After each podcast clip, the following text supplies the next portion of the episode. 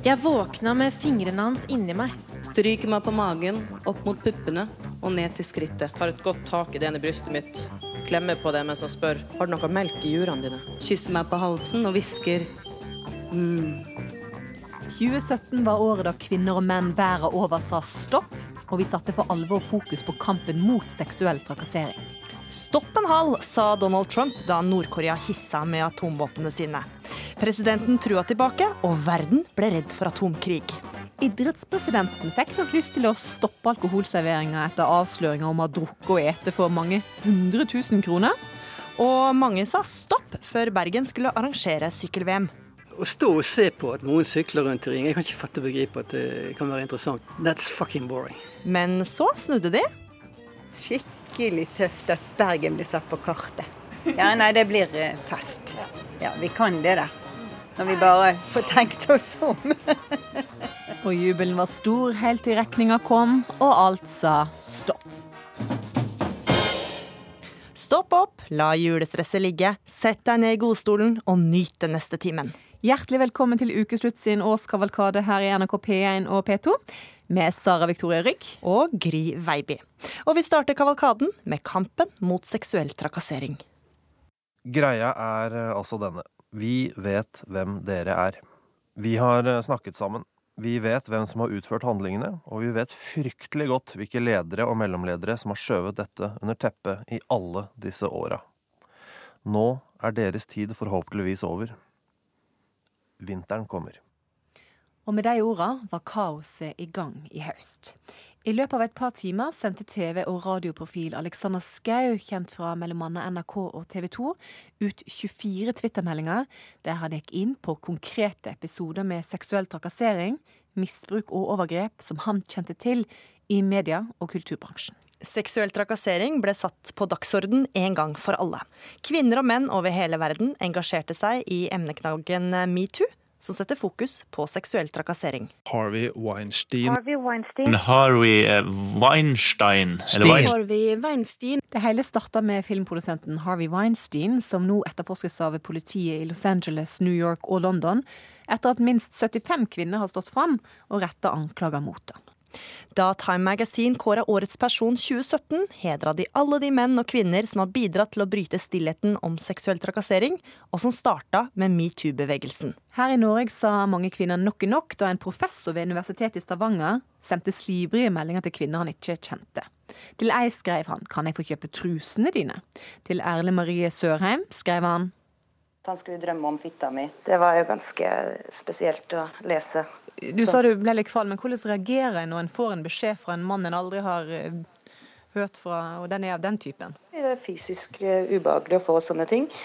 Og så eh, blir man jo sint og samtidig litt sånn Hva kan jeg gjøre mot dette? Føler deg veldig i en sånn umulig situasjon. Da. Du kan ikke egentlig svare kritisk heller. Og man føler seg bare veldig Altså, krenka er noen ganger et godt ord også, og det følte jeg absolutt her.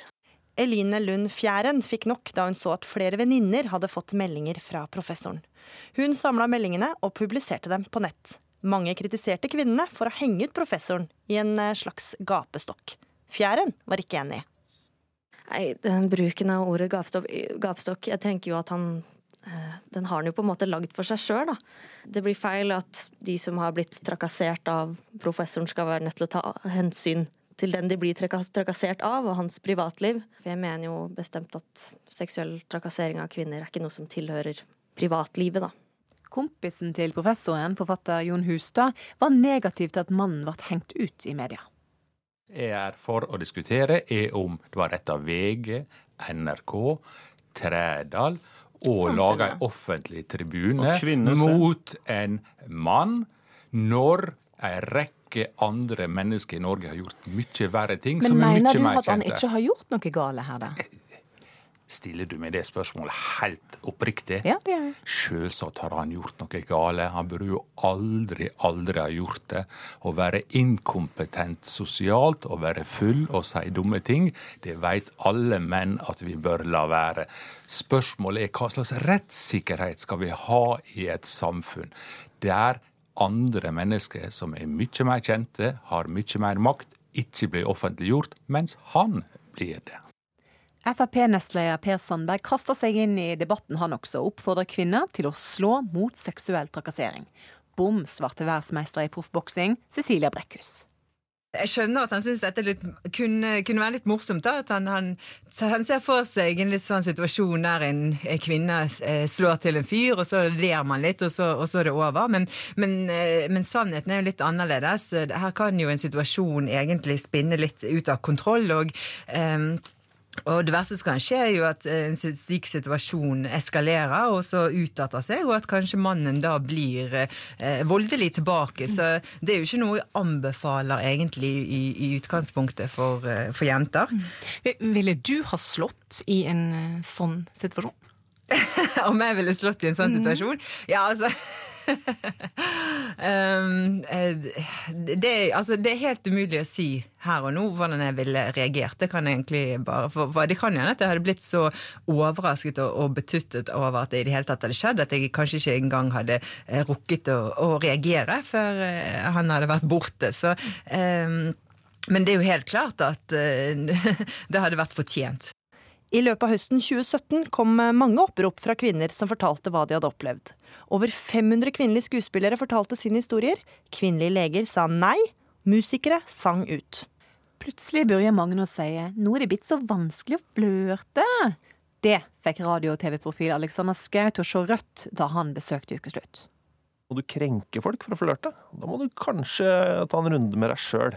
Det, det, det, er faktisk helt elementær folkeskikk egentlig.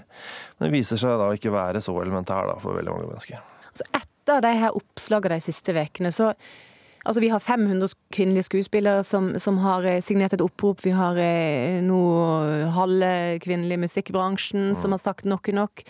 Det kan jo virke som at eh, Norge er fylt opp med helt forferdelige folk. Det er mange som ikke kjenner seg igjen i den eh, beskrivelsen.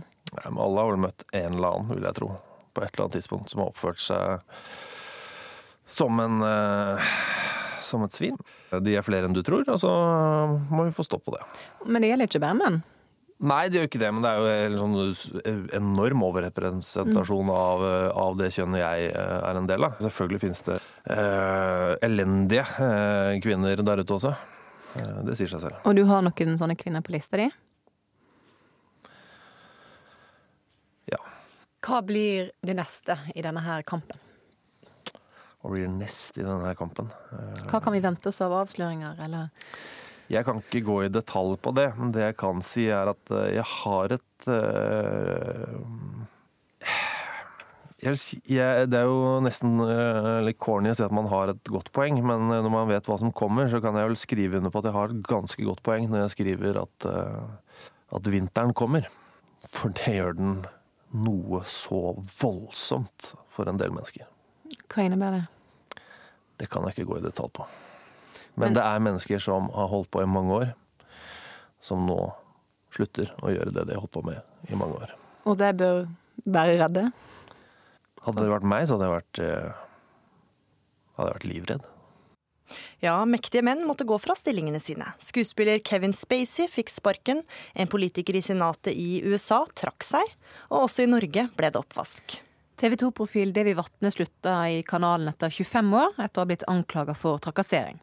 Vatne fortalte hva kollegaene hadde reagert på det de reagerer på, er jo det, det sexistiske, og det syns jeg er trist og leit. For jeg har aldri opptrådt med slibrigheter, slik jeg har oppfattet det. Men det er historier som vi forteller, og når det sitter tre-fire mann som skal ha fotballekstra på sminkerommet, så er, det kanskje ikke, eh, er vi kanskje ikke taktfulle nok eller respektfulle nok til å holde sjargongen og tonen på et nivå som eh, unge kvinner er komfortable med. Så det, det syns jeg er, er, leit å få i fleisen. Men, Men er det grove ting, altså, bare for å forstå hva dette handler om? Grove ting? Hva er grove ting? Jeg, jeg innbiller meg at, at, dagens unge er mye mer herdet enn vi, da, enn vi var. Da vi gikk på kino, så var det så vidt vi torde legge armen rundt uh, skuldrene til damene våre. Det var uh, vakt på julebordet til Flaktveit ungdomsskole. Så sto guttene på 15 år og snakket om trekantsex og revpuling. Altså nett nettet og pornoindustrien har jo endret hele holdningen til sex, vårt gjennomsexifiserte samfunn. annerledes. Jeg tror jo på at det er en mye røffere og mer robust tilnærming blant de unge. Og så er det ikke det. Så er det meg som er en gammel gris, og de som er finfølende. Og det syns jeg er leit, det syns jeg er trist, og det syns jeg noen burde sagt fra om. Mange mektige menn skalv i buksene og var urolige for å bli avslørt. Også en av verdens mektigste menn ble anklaga for seksuell trakassering. Men det var neppe det Donald Trump tenkte på da han ble innsatt som president i januar. I, Donald John Trump, do solemnly swear. I think America has to get behind our new president, and uh, maybe we can make America great. I'm very happy for him, his family, and the country. Preserve, protect, and defend the Constitution of the United States. the Constitution of the United States. So help me God. So help me God. Congratulations, Mr. President. For at Donald Trump er frekk i kjeften når han prater med gutter, det er velkjent. I'll admit it. I did try and fuck her. She was married. It's huge news there. You can do anything. Whatever you want. Grab him by the pussy. I can do anything. Men nå ble han altså anklaga for seksuell trakassering også. Flere kvinner, som også tidligere hadde anklaga Trump for bl.a. å ha befølt dem, krevde kongressgransking. Mange mente han burde gå.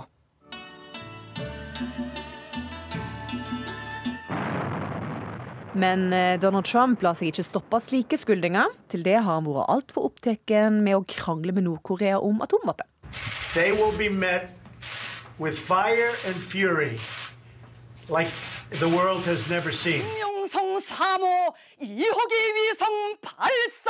Også her hjemme ble faren for atomkrig mellom USA og Nord-Korea diskutert.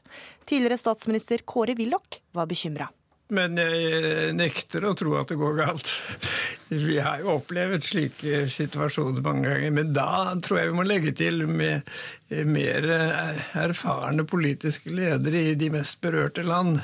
Det farlige er altså når man får inn politiske ledere uten det man vel kan kalle personlig balanse og tenksomhet. Kåre Willoch var statsminister i Norge under den kalde krigen og tror ikke verden vil se et atomangrep med det første. Jeg håper at eh, det først og fremst er uttrykk for at disse ikke har tenkt seg om, og at de kommer til andre konklusjoner hvis de tar seg tid til å tenke seg om. Og det må de jo gjøre, men eh, jeg må jo erkjenne også at Nord-Korea ser veldig farlig ut. Da passa det jo godt at ICAN, organisasjonen som jobber mot atomvåpen, fikk fredsprisen i år. The Norwegian Nobel Committee. Carl I. Hagen. Carl I. Hagen. Carl I. Hagen.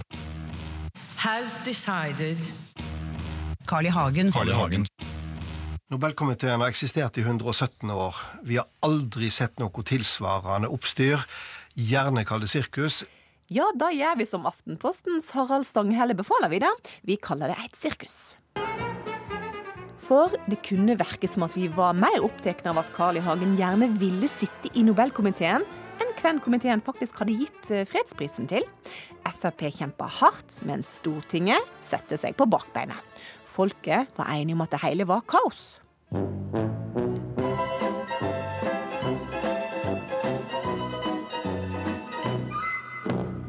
Det er egentlig en litt merkelig greie. Mye styr. Men vi trenger en farverik person i Nobelkomiteen som kanskje har litt andre synspunkter enn alle de andre som sitter rundt bordet. Tror du det er noe med Carl I. Hagen som person som har gjort at det har blitt mer diskusjoner nå enn det kanskje ville blitt ved en annen? Ja, det tror jeg kanskje, for han tiltrekker seg veldig mye medieoppmerksomhet. Jeg tror det er spesielt fordi det er han Hagen, og, og, Hagen er Hagen. Det har jo alltid vært styr om Carl I. Hagen, hele hans politiske liv. Jeg har jo forstått at det er det som er problemet her, hvilke regler som skal gjelde og hvilke som ikke skal. Så jeg tenker det er greit at det blir en debatt rundt det, men eh, det er jo fare for at det blir mye personlig mening òg.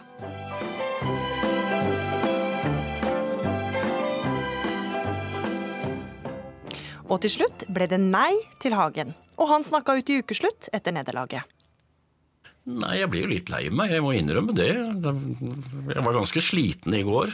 Så jeg satte meg mens min kone var ute og handlet, så sovnet jeg godt i stolen hjemme i går kveld. Hvis jeg hadde ønska noe virkelig sterkt og mente at jeg var den rette til det, og det kom så mye motstand, jeg hadde blitt lei meg. Og jeg hadde antagelig ikke helt visst hva jeg skulle gjøre for å bli kvitt det sinnet og den tristheten. Hva, hva gjør du for å deale med følelsene dine? Jeg har et sånt slagord at uh, livet går videre. Jeg har hatt nederlag før, jeg har hatt tøffe tider før. Eh, Det andre vervet jeg har hatt lyst på som jeg ikke har fått. Eh, Jeg er jo liksom den politiker som har vært lengst på banen og ikke oppnådd no noen av målene. Men jeg har i hvert fall hatt stor glede av å være med og bygge opp det som nå er et regjeringsparti. Og jeg er veldig takknemlig for Fremskrittspartiets stortingsgruppe nominerte meg og sto på til siste slutt og gjorde alt de kunne for å få det til. Men nå ble vi jo avspora, Gry. Det var jo Donald Trump vi egentlig prata om. Ja, for 2017 har jo vært Donald Trump sitt år. Han flytta inn i Det hvite hus. Han sjokkerte oss på Twitter. Han anerkjente Jerusalem som hovedstad i Israel. Sette fokus på falske nyheter. Som faktisk ble årets nyord. Han har fått mye kritikk, også fra oss, og det ble Per Johan Ramsli irritert over. Han skrev en mail og kjefta på NRK fordi vi var for kritiske til Donald Trump. Han spådde at Trump kom til å vinne valget, og han fikk rett. Vi inviterte han til ukeslutt, og han forklarte oss hvorfor han mener Trump er en god president for amerikanerne. Det er viktig å lytte til grasrota. Og det er vel nettopp det Donald Trump har gjort. Eh, og nå har velgerne satt seg i eh, førersetet. Politikerne sitter nå i baksetet. Og det er sånn det egentlig bør være. Mange er jo oppriktig bekymra fordi de blir skremt av at han har kvinnenedsettende uttalelser. De er redde fordi de mener han spiller på fremmedfrykt. Denne muren han skal bygge mot Mexico. Og ja, de, de opplever han som ei ufin bølle. Hva vil du si til de folka som eh, syns dette her er skikkelig uggent? Altså, jeg tror eh, folk eh, har vel blitt prega av det som nettopp eh, NRK og andre medier har hengt seg opp i. Jeg tror det kan være sunt det med Donald Trump med fri for politisk korrekthet. Han har kontakt med grasrota, han viser handlekraft. Og faktisk lanserer løsninger for problemer i USA. Ett år etter valget prøvde Ukeslutt å få politikerne på Stortinget til å si noe positivt om den kontroversielle presidenten. Knut Arild Hareide la godvilja til. Det som Donald Trump har greid, er at han har formidla en utfordring i det amerikanske samfunnet. At middelklassen de har økonomisk stått i ro i 16-20 år. Det er jo samtidig som vi i den norske middelklassen vi har fått nesten dobla våre inntektsmuligheter og vårt grunnlag å leve for. Nei, her har vi et lite kjøleskap, så en kan ha litt uh, kjekt å ha litt kald, kald drikke da, på varme dager. og Kanskje en yoghurt når det blir lange dager. Så langt bare vann i kjøleskapet til Nils Bjørke fra Senterpartiet. Han er tidligere bondelagsleder, men nå er han ny på Stortinget. Han trodde demokratene skulle stikke av med seieren for et år siden. Det var jo en stor overraskelse når det ble Trump som vant. Det har vært veldig mye negativt fokus på Donald Trump. Men hvis du skal trekke frem noe positivt ved han, hva vil du si da? Jeg tror han eh, på en del områder har fått amerikanerne til å få ha litt tro på seg sjøl. Og snakke opp seg sjøl, at det er lov å være litt positiv sånn. Og han er voldsomt opptatt av at folk skal få til noe. Og enda en som er ny på Stortinget. Åshild Brun Gundersen fra Fremskrittspartiet. En president som Donald Trump gjør at folk flest blir mer interessert i politikk, og forhåpentligvis eh, vil flere gå og stemme neste gang. Men rett skal være rett. Det er ganske mye negativt å trekke fram òg. Hør bare her. Han skaper jo på mange måter en uro i, i, i verden, føler jeg, på en måte, for han går så hardt ut mot motstanderne sine. Hva har skuffa deg mest ved det han har gjort dette året? Jeg syns det er litt interessant hvordan han omtaler politiske motstandere. Og samtidig hvordan kona hans tar opp mobbing på sosiale medier. Der hun går ut, med Linde og tar opp det. Det syns jeg er veldig bra. Men det hun bør gjøre, er å bare snu seg i ektesenga og si nå må du skjerpe deg, president. Da vil jo hun renske opp i de noen av de største mobbingene på sosiale medier. Applaus og kake til Donald Trump for at han overlevde første året i Det hvite hus. Og kake og applaus ble det også på gullgutten Karsten Warholm. Jeg har ikke forstått det ennå. Men jeg kommer mål der, liksom. Det føles som jeg har sett et spøkelse. Det var bare helt drøyt, altså. Helt drøyt. Og I august fikk Norge en ny idrettshelt da Karsten Warholm sprang inn til et overraskende gull på 400 meter hekk under VM i friidrett. Ukeslutt inviterte verdensmesteren på kake i studio, og da skjønte vi at han ikke var verdensmester i å takle oppmerksomhet. Uh, nei, jeg vil egentlig ikke. Nå ser jeg at jeg begynner å hive innpå med kake her. Det er jo ikke det at jeg, at jeg ikke liker oppmerksomhet. Jeg tror alle, alle setter pris på litt anerkjennelse. Um, likevel så, så er jeg en ydmyk, enkel kar, da. Så jeg liker å holde det, holde det sånn også. Men sjøl ydmyke, enkle karer liker litt grann kake. Vi, vi hørte eh, et lite tips om at på Sunnmøre så var det på et tidspunkt i Ulsteinvik utsolgt for kake. Alle åt kake for å feire deg, så derfor så har vi bakt kake for deg. Forklar litt om hvordan den ser ut. Um, den er masse frukt på. Jeg er veldig glad i bær, så det var, det var et godt valg. Det ser ut som at den som lager den kaka, her, skulle nesten tro de kjenner meg. Og bildet er jo veldig fint. da. Det er en ganske fotogen type der, med varhånd på brystet. Så jeg får ikke lyst til å spise den, for meg har lyst til å bare se på den. Nyte den. Ja. Du får ta deg likevel et godt stykke kake mens vi prater nå. Ja, okay. Du blir en høg på pæra av å bli verdensmester. Mm. Det tror jeg man fort kan bli. Men for min del så er ikke det, er ikke det planen, egentlig. Jeg jeg har på en måte skjønt at det er, det er den væremåten min som har tatt meg dit jeg er. og jeg har egentlig begynt å tenke, jeg begynte å tenke litt over at det er sikkert den måten som å funke videre også. Så, så, jeg kommer nok til å kjøre en vanlig ydmyk, grei stil, tror jeg. Mm. Tror det passer meg. Hvordan holder en beina planta på jorda når en er blitt verdensmester? Altså, jeg liker å si det sånn at det, man trenger ikke fiender når man har sånne kompiser som jeg har. Så jeg får ganske mange harde meldinger og, og litt um, og litt hets, og det syns jeg, jeg, er veldig fint. Jeg, i, den, I den kretsen min så kommer jeg ikke til å lette med det første, tror jeg, og det er helt, helt OK. Men veien fra seier til sorg er ikke lang, og det har vært et tungt år for norsk idrett. Først må jeg bare si at jeg, at jeg er helt knust.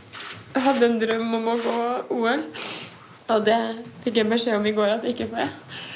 Therese Johaug ble dømt etter at hun testa positivt for stoffet klosterbol i 2016, og ble utestengt fra all idrett i 18 måneder. Med den konsekvens at hun mister hele sesongen, inkludert de olympiske lekene i Sør-Korea. Nå må Norge boikotte OL, sa programleder og sportsentusiast Halvard Flatland. Du må ikke tåle så inderlig vel den urett som ikke rammer deg selv. Og Derfor så bør vi stå opp for Therese, og da er boikott et alternativ. Han møtte sportskommentator Leif Welhaven til debatt. Det er litt vanskelig å, ta det på alvor. Også i Idrettsforbundet er de vel enige om at 2017 ikke helt har vært deres år. Ja, for det skulle ikke være lett å få idrettsstopperne til å løfte på slør og vise fram alle bilagene sine. For når de først begynte å gjøre det, stilna ikke akkurat kritikken. Da de viste fram regnskapsbilagene fra Sotsji-OL i 2014 og ungdoms-OL i 2016, var det litt av hvert som fikk grasrota til å reagere. Og blant regningene kunne vi lese om betaling for hederlig omtale i et OL-blad for nesten 750 000 kroner, kongesuite i Sotsji til 185 000, rundt 350 000 for OL-konserter med Ole Edvard Antonsen og andre, og ikke minst, ifølge TV 2, 200 000 kroner for alkohol til gjester under ungdoms-OL. Og så kom reiserekningene fra London-OL i 2012, som viste at representanter fra Norges idrettsforbund hadde restaurant- og barregninger på 240 000 kroner. Hvorav 100 000 kroner gikk til å betale for alkohol. Og det var ikke bare de på grasrota, vaffelsteikerne og dorullselgerne som reagerte. Også tidligere verdensmester i friidrett, Ingrid Kristiansen, var oppgitt. Og det er holdninger til neste generasjon og sånn så alkohol er jo ikke noe som idretten skal, idrettsungdom skal ha. Og da skal ikke lederne heller, og i hvert fall ikke kjøre det på idrettens regning. Idrettspresident Tom Tvedt ble kalt inn på teppet i ukeslutt men at 100 000 kroner er mye penger, og så må vi se på hvor mange det er fordelt. Men at volumet her er for stort, og det har jeg vært krystallklare. Det er eksempler her som ikke, ikke, er bra i det hele tatt. Men derfor har jeg innført de restriksjonene, fordi at vi i fremtiden skal ha en annen eh, fokus og en annen holdning. Men det koster å kose seg, skal vi tro vinkjenner eh, Ingvild Tenfjord, som forsvarte prislappen på vinene idrettsstopperne hadde drukket på restaurant. Jeg skjønner godt at folk reagerer, for de fleste nordmenn liker ikke å bruke mer enn 150 kroner på en flaske vin. sånn at når prislappen viser 1795, så virker det mye. Men dette er en rødvin som er kjøpt på restaurant. De tar gjerne tre eller fire ganger på pris. Sånn at egentlig så er ikke dette spesielt dyrt. Ja ja, om det er dyrt eller ikke er visst opp til øyet som ser. Og det bringer oss til Bergen. Jeg vet Bergen er det samme. Der har jeg det så fisken i vannet. For sykkel-VM i Bergen skulle bli den største norske idrettsfesten siden eh, Lillehammer-OL. Og til en viss grad ble den jo det. Er bergenserne på en måte Norges svar på brasilianerne? Ja, det kan du si. Men skepsisen i forkant var stor. Gravide var redde for å ikke nå fram til fødestua i tide. Folk frykta de ikke fikk parkere, for ikke å snakke om alle turistene som ville innta byen. Ukeslutt sjekka stemninga i VM-byen få dager før hele sykkelfesten braka løs. Jeg vil ikke ha Jeg ville helst ikke ha sykkel-VM, for det fører gir altfor mange og store utgifter for Bergen kommune. Penger som kunne vært brukt på annen måte. Og så hindrer det trafikken så veldig. Det er jo veldig dyrt. Vi sier Når vi ser alle gjerdene og alle teltene og alt dette, så sier vi at det er jo vi som betaler det. Det koster oss dyrt. Det virker som Bergen er delt i to. For og imot sykkel-VM. Den hvithåra gjengen som koser seg med kaffe og kake, er definitivt imot. Vi er godt over 80 år. Ja. Så det der med sykling har ikke vi helt sansen. Men vi lar kritikken ligge litt. For Bergen bader i sol, og jeg og sykkelpresident Harald Tidemann Hansen sitter på hver vår sorte damesykkel.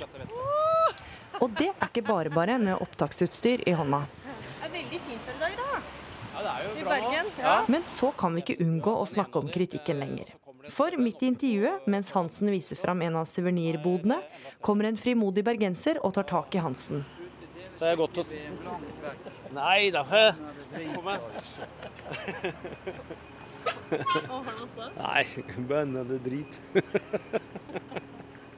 Jeg, jeg, jeg, jeg klarer ikke å ta det innover meg. Altså, vet du det, det blir liksom så eh, Fordi det, man må gjøre kanskje ting annerledes enn det man ellers gjør. og sånt, og det er, eh, For alle er ikke det like greit. Eh, men vet du hva, ærlig talt. Jeg bare sier Bergensere er engasjerte. og det, det, det er på godt og vondt. Det må vi bare ta med. For det har vært mye kritikk. Bergenserne har vært oppgitt over stengte gater, veiarbeid, dårlig framkommelighet. Og denne uka toppa det seg da stemmene fra bergenserne ble forsinka på selveste valgnatta. Det er av en eller annen merkelig grunn så det visst nok Det skal være sykkel-VM i Bergen, så det er visst litt asfaltlegging der borte som hindrer stemmeopptellingen for øyeblikket. Um, kommer sikkert sterkt tilbake, kjenner jeg det rett? Ja, det er mye rart vi får måtte skylda for. Altså, men jeg vet ikke helt om jeg har lyst til å ta på meg den. Forfatter og skribent Erling Gjelsvik rømmer byen under VM. Jeg skal, det blir fint vær, så jeg har tenkt å dra på fjellet og male hytten min. Blir du borte en uke, eller? Ja. Stor hytte. Mye maling. Mange trappetrinn opp inne mellom fjellene med utsikt over hele byen. Det er der Gjelsvik har kalt det hele en jippo og en plage, og skrevet ting som Jeg ville heller blitt skutt enn å bli sett iført kondomdress og hjelm på en racersykkel.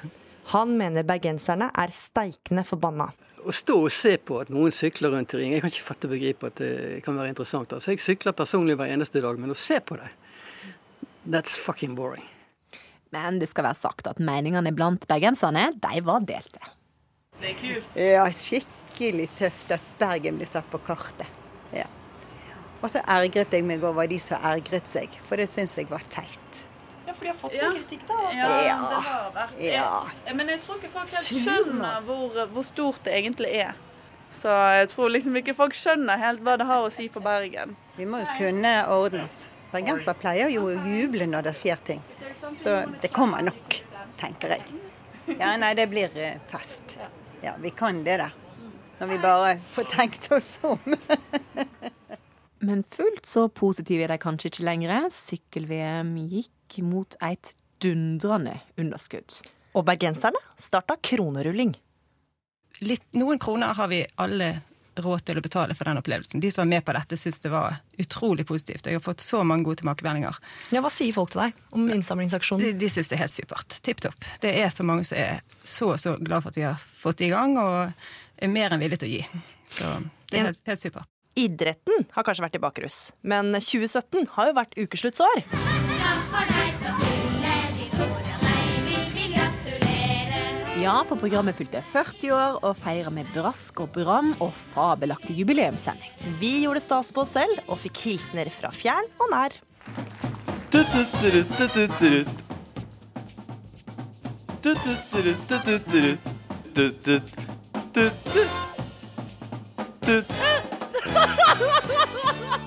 Hei sann, Hoppsann. Jeg heter Jørgen Foss, tidligere leder i Landsforeningen for overvektige, arbeiderpartipolitiker, korpsentusiast. Gratulerer så mye med 40 år på lufta. Det er bare helt fantastisk.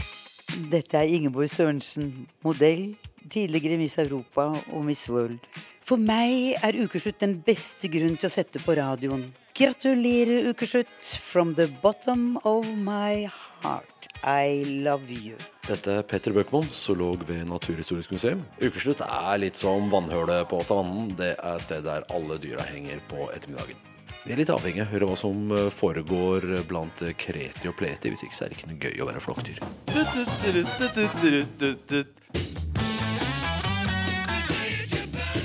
Hei, ukeslutt. Dette er statsminister Erna Solberg. Gratulerer så mye med 40-årsdagen. Dere var banebrytende når dere startet. Og nå er det viktig i 40-årsalderen da å finne ut hva deres 40-årskrise er. Om dere da blir eh, enda mer banebrytende fremover. Gratulerer så mye. Alle vil vi gratulere. Joho! Dette er Hilde Skovdal, mest kjent som Charter-Hilde. Jeg har jo vært hos dere en del ganger og debattert. Jeg har både vært hissig, jeg har vært engasjert, jeg har fått latterkramper, og jeg har møtt utrolig mange deilige mennesker. Dere, jeg ønsker dere alt godt, og måtte det bli 40 nye år.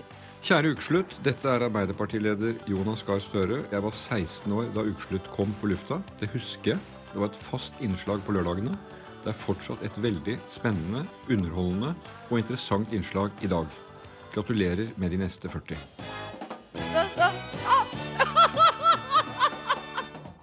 Og eh, selveste Kringkastingsorkesteret kom og spilte for oss med variert musikk fra de siste 40 år. Her får du Michael Jackson, Thriller og KORK.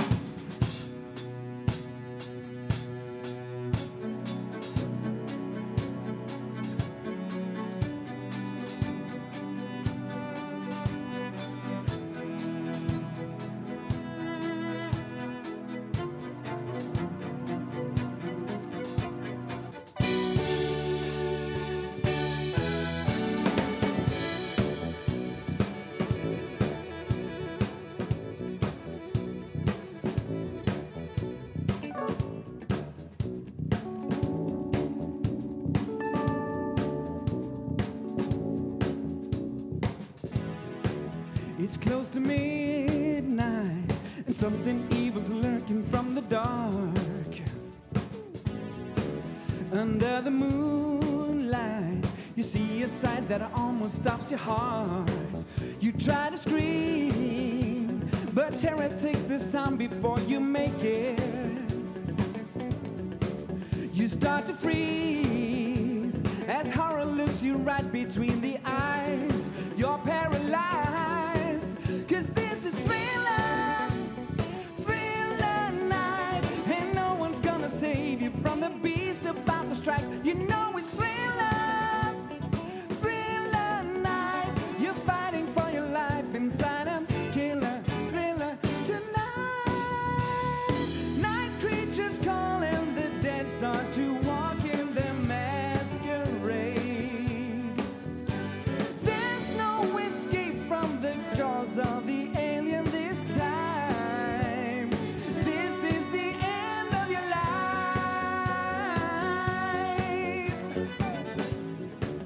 They're out to get you. There's demons closing in on every side. They will possess you unless you change the number on your dial. Now is the time for you and I to cuddle close together. Girl, but on the night, I'll save you from the terrors on the screen.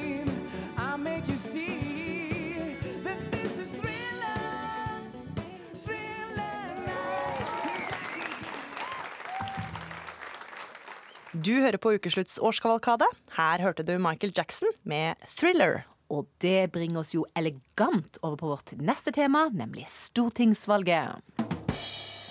Som var en eh, thriller til eh, tider. Eller iallfall mye krangling. Ja, til dømes hva parti som er partiet for folk flest. Og der var Senterpartiet og Fremskrittspartiet uenige. Og vi testa Trygve Slagsvold Vedum og Sylvi Listhaug med quiz. Spørsmål nummer én. Hva land i utlandet drar flest nordmenn på ferie til? Sverige. Vedum? Ja eh, Jeg tror også Sverige. Da er altså svaret avgitt, og folk har fasiten.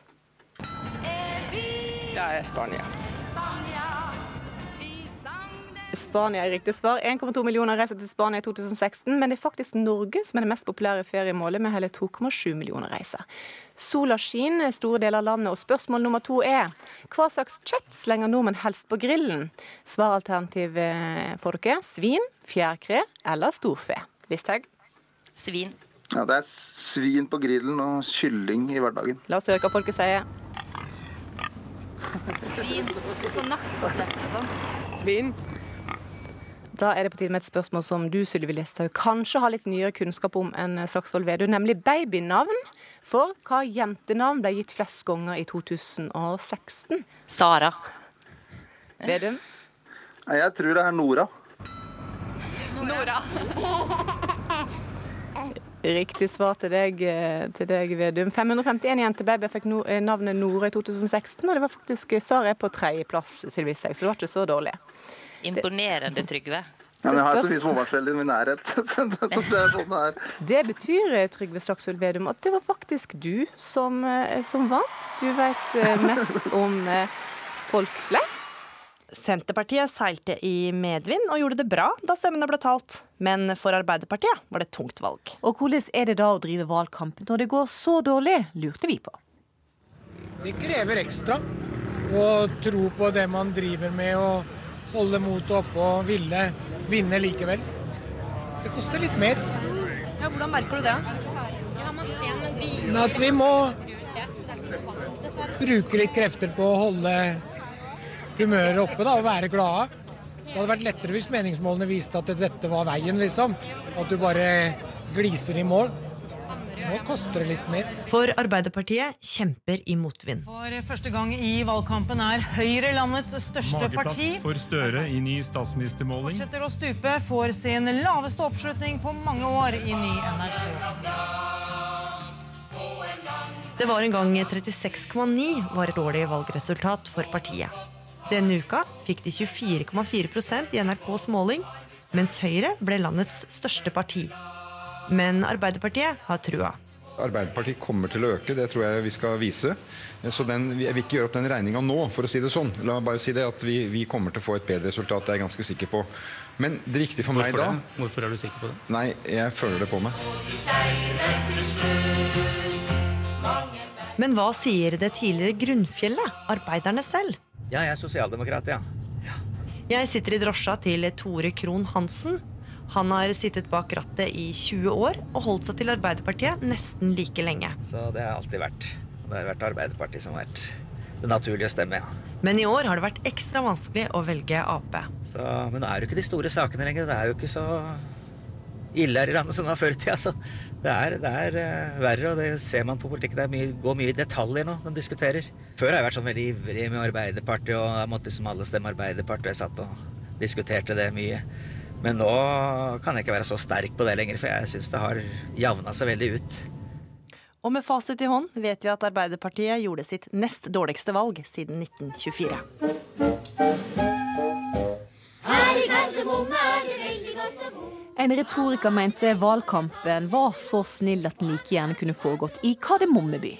Regissør Mathias Kallmeier spant videre på den tanken, og regisserte for ukeslutt en nyinnspilling av den kjente historien med politikerne i hovedrollen.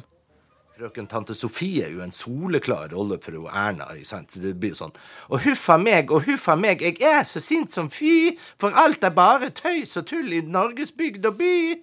Eh, Skjønner du? Ja, jeg skjønner. Og hva, hva andre roller snakker vi om?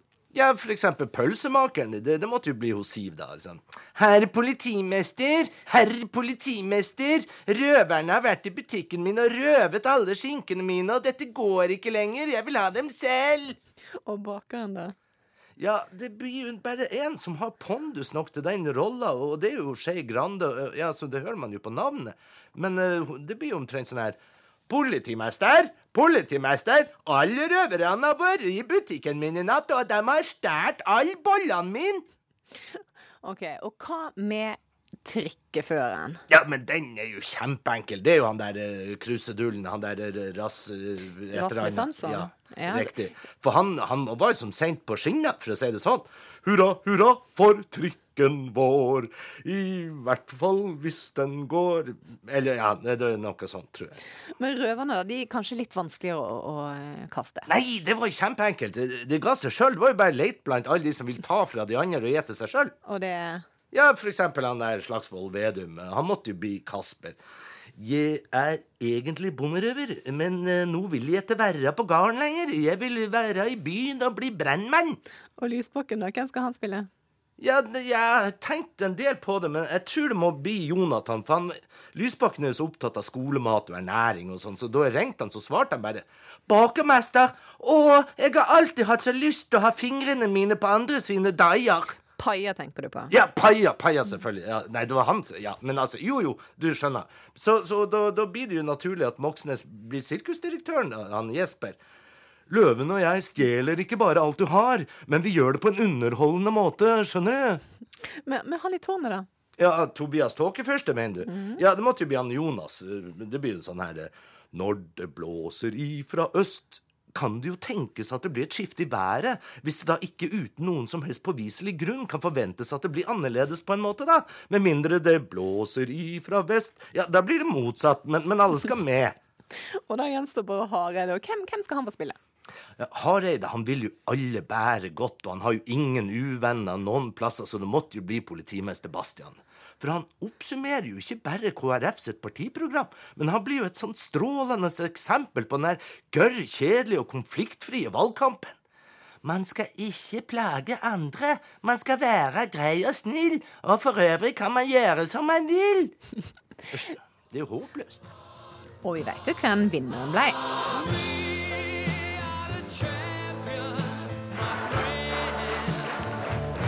Kjære alle sammen. I dag har dere vært med på å skrive historie. I dag I dag har velgerne stemt frem en historisk sterk valgseier for de borgerlige partiene.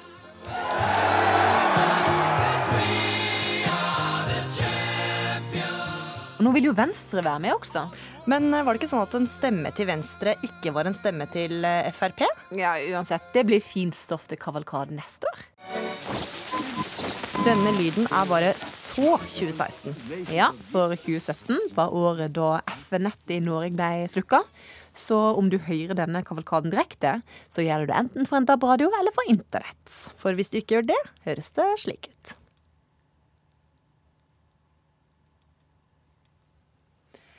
Litt ubehagelig, eller? Årets heiteste tips fra oss til deg. Legg om til DAB! Men det må sies, det var stor skepsis i forkant av at FM-nettet skulle slukkes. Du må spille ganske høyt for å, for å ha det i media på den måten. Det er ikke lydvolumet det står på når en stor og speilblank Harley Davidson-sykkel fyrer opp foran oss inni en liten garasje i Halden. Det går nok kanskje mest i P4 når jeg sitter og kjører. Det er lett musikk eh, underholdning når du sitter og kjører. Med to svære høyttalere integrert i dashbordet på motorsykkelen kan radioentusiast Bent Skogli lytte til radio over buldringen fra motoren. Det er bare ett problem. Harley Davidson har sagt at uh, vi kommer ikke med noe DAB, i hvert fall ikke før mange flere land skal ha det. Så på min helt nye Harley Davidson, så jeg, som er integrert radio i, der får jeg ingen DAB. Og det blir altså stille i radioen på motorsykkelen. Men motorsykkelradioen er langt ifra den eneste som Bent må erstatte med DAB-teknologi. Så jeg får ikke hørt på radio der jeg vil. Jeg har eh, radio i boblebadet mitt, jeg har radio i bilen min, jeg har i båten. Og ingen av dem er DAB. I bilen da er det DAB. Man, man sammenligner det med at man gikk over fra VHS-kassetter til, eh, til CD. Men det, jeg kunne fortsatt bruke min gamle VHS så lenge jeg ønska. De, slutta ikke å virke, den for det. Og nå skjønner jeg at det er en kostnadsspørsmål og slike ting, men eh, Det har Norge råd til. Jeg skjønner at noen blir sinte, men jeg får også veldig mange brev om folk som er veldig glad for et nytt eh, radiotilbud. Det sier kringkastingssjef Tor Gjermund Eriksen. Han mener at det er flere fordeler ved å slukke FM-nettet, men erkjenner at det er en krevende prosess. Vi har et veldig gammelt eh, FM-nett i Norge i dag. Eh, Det måtte vært investert eh, ganske mye penger i for å opprettholde kvaliteten. På et eller annet tidspunkt så må man bytte teknologi. Skepsisen er kanskje også stor for de som planlegger å gifte seg borgerlig neste år? Ja, for fra 1. januar får ordførerne vigselsrett. Vi prater med tre ordførere for å høre hva åpningsord de har planlagt til brudeparet. Erik Unås, hva vil du si? Det verste var at jeg var inne på Wikipedia i stad og prøvde å sjekke det, og jeg leste det opp for meg sjøl, og så har jeg glemt det igjen. Karianne Bråten, kan du overby Erik Unås? Nei, vet du, jeg, jeg har sjøl gifta meg kirkelig, så jeg vet ikke hva de sier borgerlig. Så jeg får skylde på det. Roald Lagerhaug, den mest entusiastiske av dere tre. Hva sier du? Nei, jeg ser jo for, meg at vi må lage vår egen liturgi, holdt jeg på å si. Men, men, men eh, nei, altså det er jo Vil du ha Kari som hos deg står, og så videre. Og jeg, jeg legger jo opp til også at eh, det brudeparet f.eks. går til Trolltunga før de gifter seg. da, For da får de god tid til å tenke seg om. Og så kan de ta den endelige avgjørelsen der inne, da.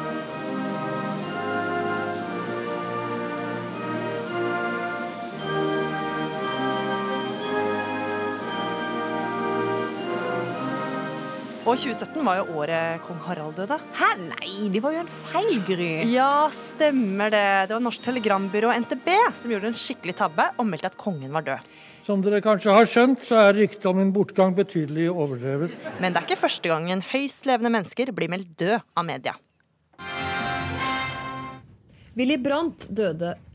Unnskyld, vi er til, det var ikke meningen. Vi er tilbake igjen klokken 21 på gjensyn. Dette gikk jo ut direkte på lufta til en halv million seere. Og vi var jo veldig fortvilet. Ved en høyst beklagelig feil kom vi i vår forrige sending i skade for å melde at Willy Brandt er død. Det er ikke riktig, og vi beklager det på det sterkeste. Nå er vi på kontoret mitt, skrivestuen. Bokomslagene som henger tett i tett på kontorveggen, vitner om Tom Egelands suksess som krimforfatter. Her inne har han pønska ut og tatt livet av mange romanfigurer. Men i 1992 var han kveldsvaktsjef i Oslo, da TV 2 meldte at nobelprisvinner Willy Brandt var død, litt grann for tidlig. Det er klart, eh, det ble jo en liten skandale den gang, det også. Norsk Telegrambyrå gjorde i dag en tabbe. De har beklaget på det sterkeste. Både NTB og TV 2 føyer seg med dette inn i en lang, men lite stolt tradisjon i mediene. Bare hør her.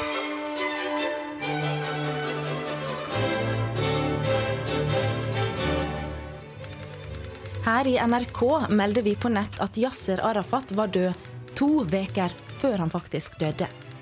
Og en uferdig nekrolog over arbeiderpartikjempen Håkon Lie var også på NRK sine nettsider før han var død. Dette er for jævlig! Elendig amatør! Klossmajor! Kjøtthue! Talentløse drittunge! Han reagerte visst ikke like strengt som rollefiguren Egon Olsen, Arve Oppsal, da VG Nett ved en glipp i 2005 erklærte at Oppsal var død, noe han da ikke var. Det var ingen tabbe da avisa Været Over fortalte at Playboy-kongen Hugh Hefner var død, 91 år gammel. Den tidligere kjæresten Lillian Müller sørga over tapet. Han var supersjarmerende. Han var flott å se på. Han var virkelig sånn Don Juan, og han var veldig gentleman. Han var en veldig romantisk person. Uh, unnskyld. Han var en veldig sentimental person. Mm. Han var en veldig um, betryggende person. Han hadde god sans for humor. Det var mange grunner til at damene falt for han, pluss da at han at han, han levde jo den Playboy-livsstilen, og det var jo sikkert mange damer som likte å være med på Playboy Mansion og, og kjøre rundt i hans sorte jet med Bunny-logoen på. Det var jo mange ting som fulgte med da. Mm, hva kommer du til å savne mest nå, da, nå som han er borte? Ja, altså Sist når jeg så han for seks måneder siden, da hadde vi en veldig um, sentimental øyeblikk, faktisk. fordi at uh, når jeg kom inn på soverommet hans, han satt i, i rullestol og sånn, og hadde det veldig vondt, så tenkte jeg å Herman, jeg må gi han noe, for han har jo vært så fantastisk både for min karriere og mitt personlige liv i over 40 år. Og da hadde jeg tilfeldigvis et hjerte i uh, veska mi som min datter hadde gitt meg til jul. Det var et mørkeblått krystallhjerte. Mm. Så jeg tok det opp og så, og så sa Half, this is my heart. This is, this is the symbol of our, our, you know, friendship and love through all these years. And I just want to give it to you, and I want you to keep it forever. Og så ga jeg det hjertet, så holdt han det, han, og så så han på det sånn, Lillian, My God, why the hell are you giving me a black heart? så det jo han, det viser jo at han hadde sans for humor, selv om han var veldig dårlig den dagen. Der. Men jeg var så glad etterpå når jeg gikk derfra, at jeg hadde fått gitt han det hjertet. Og i forgårs, når min datter sendte meg en mail på Facebook når jeg sto på morgenen at onkel Hef has died, mom. Den, du kan jo tenke deg sjøl at jeg var veldig, veldig Jeg tenkte på det at jeg ga han det hjertet siste gangen jeg så han, og da er det jo klart at jeg følte en slags veldig lettelse. At jeg hadde iallfall fått uttrykt mm. helt i det aller siste tida før han døde, at, at, jeg var veldig glad i han, og jeg satte veldig pris på vennskapet. Og jeg satte veldig pris på hva han hadde gjort for meg i mitt liv. En annen sak som har fått mye oppmerksomhet dette året, er rettssaken mot tidligere politimann Eirik Jensen. Ja, for det var en oppsiktsvekkende sak. Spørsmålet var om Jensen var korrupt eller ikke, og om han hadde fått store pengesummer fra hasjsmugleren Gjermund Cappelen. Underveis hadde Jensen mange støttespillere, og vi møtte en av dem. Han står breibeint foran vitneboksen og venter på dommerne. I olabukse og med den brune semska jakka vi har sett på bildene denne uka. Foran Eirik Jensen står sju TV-fotografer og filmer, og seks fotografer med speilreflekskameraer knipser intenst.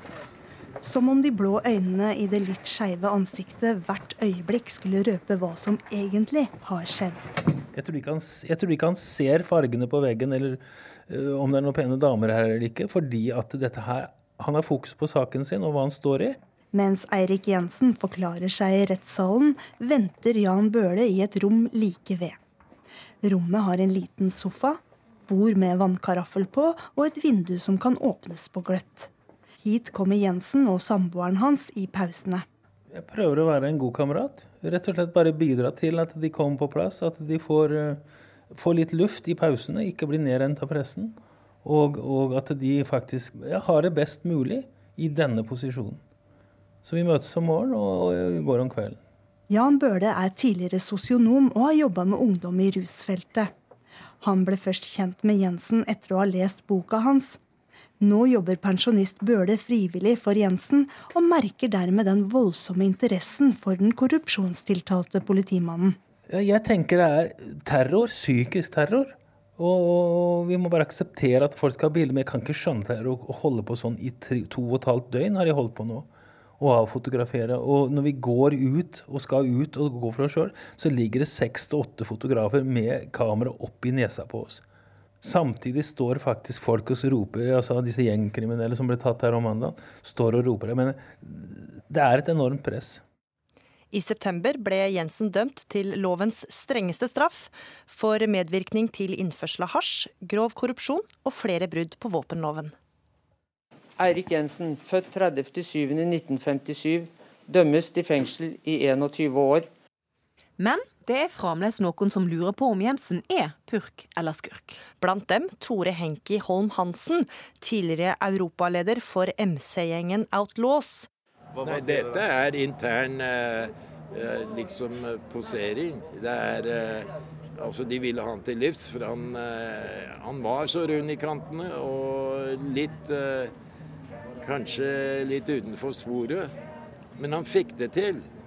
Og det var det mange som ikke likte. Tore Henki Holm Hansen tror ikke denne saken handler om narkotika eller korrupsjon i det hele tatt. Han syns han handler om misunnelse. Mm, altså til de grader. Altså, det, er, det hele hviler på at eh, faen, han skal få alle disse her tjenestemedaljene og all denne æren og sitte som nest, eh, nesten som nestkommanderende i politiet, som rådgiver, øverste rådgiver til politimesteren. Ok, Mens resten må gå og slite på jobben ikke sant, for å få eh, bemerkning.